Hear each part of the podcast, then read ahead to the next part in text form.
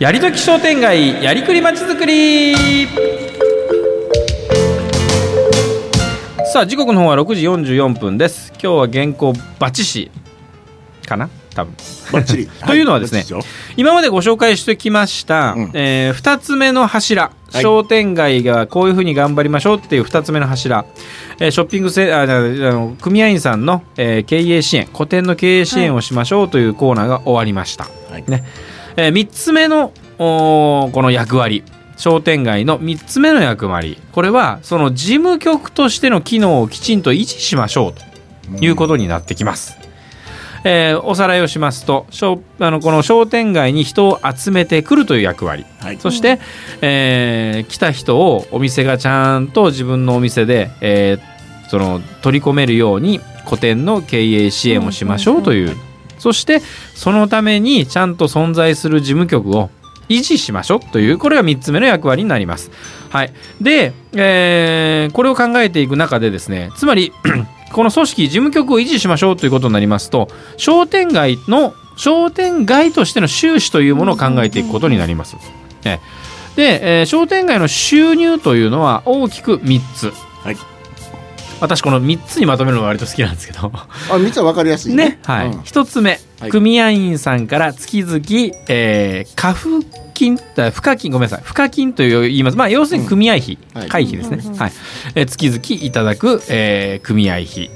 これが収入。まずね、はい。いえーいわゆる固定の収入でございます。で二つ目が組合がいろんなあの事業を運営したり、まあ、イベントやったりとか、ええ。ーということで、えー収入が上がる事業収入。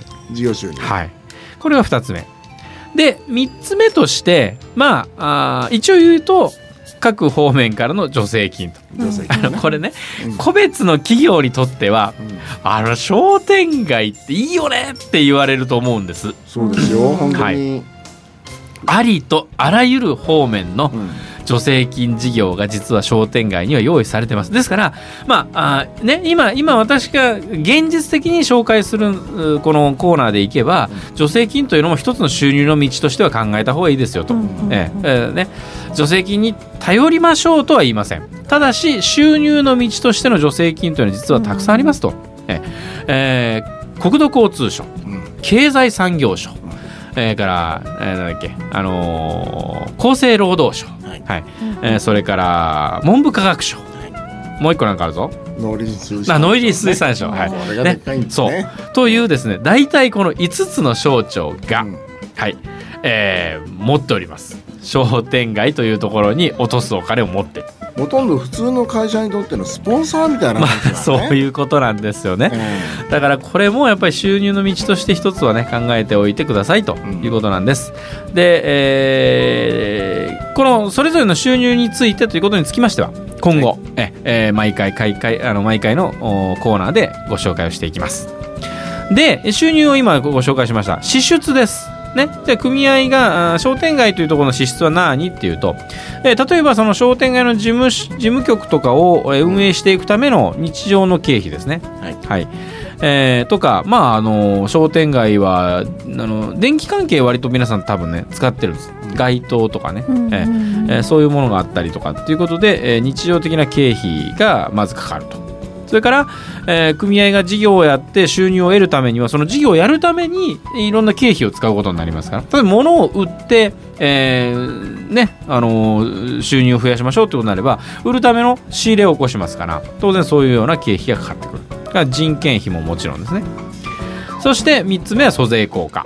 はい。えー最低でも申告組合を運営していくと何をどうしなくても年間で7万円最低かかると。うん。はいいうことでございますね。で,、えーでこのお個々の支出についてもですね日常のお運営費経費、えーそれから組合がやる事業の経費、えーなどについて、えーお話をしていこうというのも今後、えー毎回各回で、えーいきますのでぜひ聞いていただきたい。最終的にこの支出よりも収入が上回っている状態であれば商店街は運営が続いていくと。反対に組合員さんが減少したりしてですね、えーこうどうしても必要な経費が賄えないという状態に陥ればうん。組合は存続できないということになります。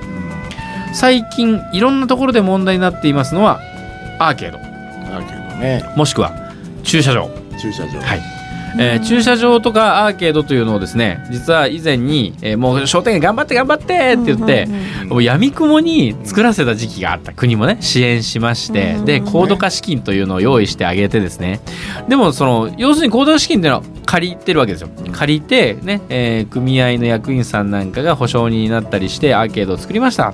でその代わり組合の皆さんからはアーケードの維持管理費というのを毎月毎月いただいてそれで返していくっていうはずだった。はずだった。ん。ですね、でもそれは例えばですよ、えー100店舗の組合員さんがあって、えーその皆さんで月々、えーその何？アーケード代として1,000円払っていけばちょうど賄えますという計算をしてたはずなんです。はい。